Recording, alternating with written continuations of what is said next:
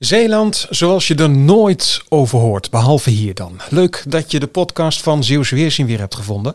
Ik ben Remco van Schellen van Omroep Zeeland en het lijkt me leuk om jou ook een keertje uh, te bevragen over een herinnering bij een foto. Je mag me altijd mailen als je zo'n herinnering hebt. remco.van.schellen.omroepzeeland.nl En nu heb ik Frans van der Velde bij me, de oud-directeur van de regionale krant, de PZC. Dag Frans. Goedemorgen. En we gaan ondertussen weer een beetje richting winter. Heb jij zin in de kou? Ha, ha, ha, ha. Nou, eerlijk gezegd niet.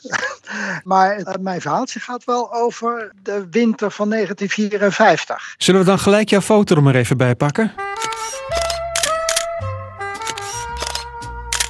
Vijf mannen die naast elkaar op het ijs lopen en ze trekken een ladder achter zich aan waarop een pak kranten ligt.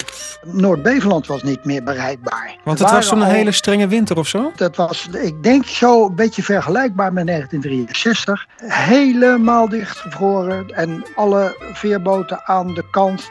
Uh, dat gaf enorm veel strubbelingen met de uh, distributie van uh, de, de, krant.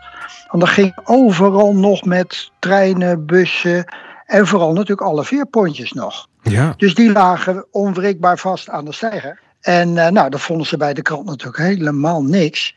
En toen zijn ze rond de tafel gaan zitten en zeggen: Ja, kunnen we op de een of andere manier niet aan het ijs over? Nou, toen bleek er een, um, een veerman te zijn en die nam een boor mee. En die zag 9 centimeter ijsdikte, 12 centimeter, 20 centimeter. En die had een hele mooie route en die zei: Nou, dat moet te doen zijn. Want het idee was dus om over het ijs naar Noord-Beveland te lopen en dan zo'n paar ja. kranten achter je aan te slepen. Nou, je bindt ze op een ladder, ladder aan een touw, touw aan een lange stok, vier, vijf man ervoor en uh, lopen en duwen maar. Als ik op die foto kijk, dan zie ik jouw vader er ook op staan. Die was er dus bij. Ja, joh. Ja, ja.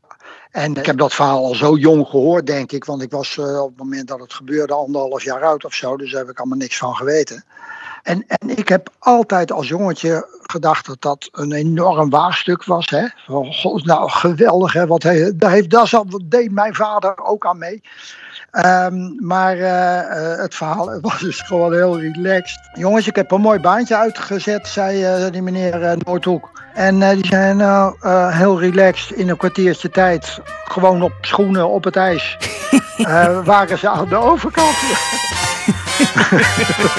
over die tocht over het Veerse meer met die pakkranten, barre omstandigheden. Zo. Ja, zo was het niet helemaal. Maar het klinkt wel lekker. Ja, zo is het. Frans van der Velde, dankjewel voor jouw foto en jouw herinnering. Je foto is ook te vinden op zeeuwsweerzien.nl. En als jij een keertje een herinnering met me wilt delen, dat lijkt mij leuk. Mail me op remco.van.schellen.omroepzeeland.nl. Tot volgende week.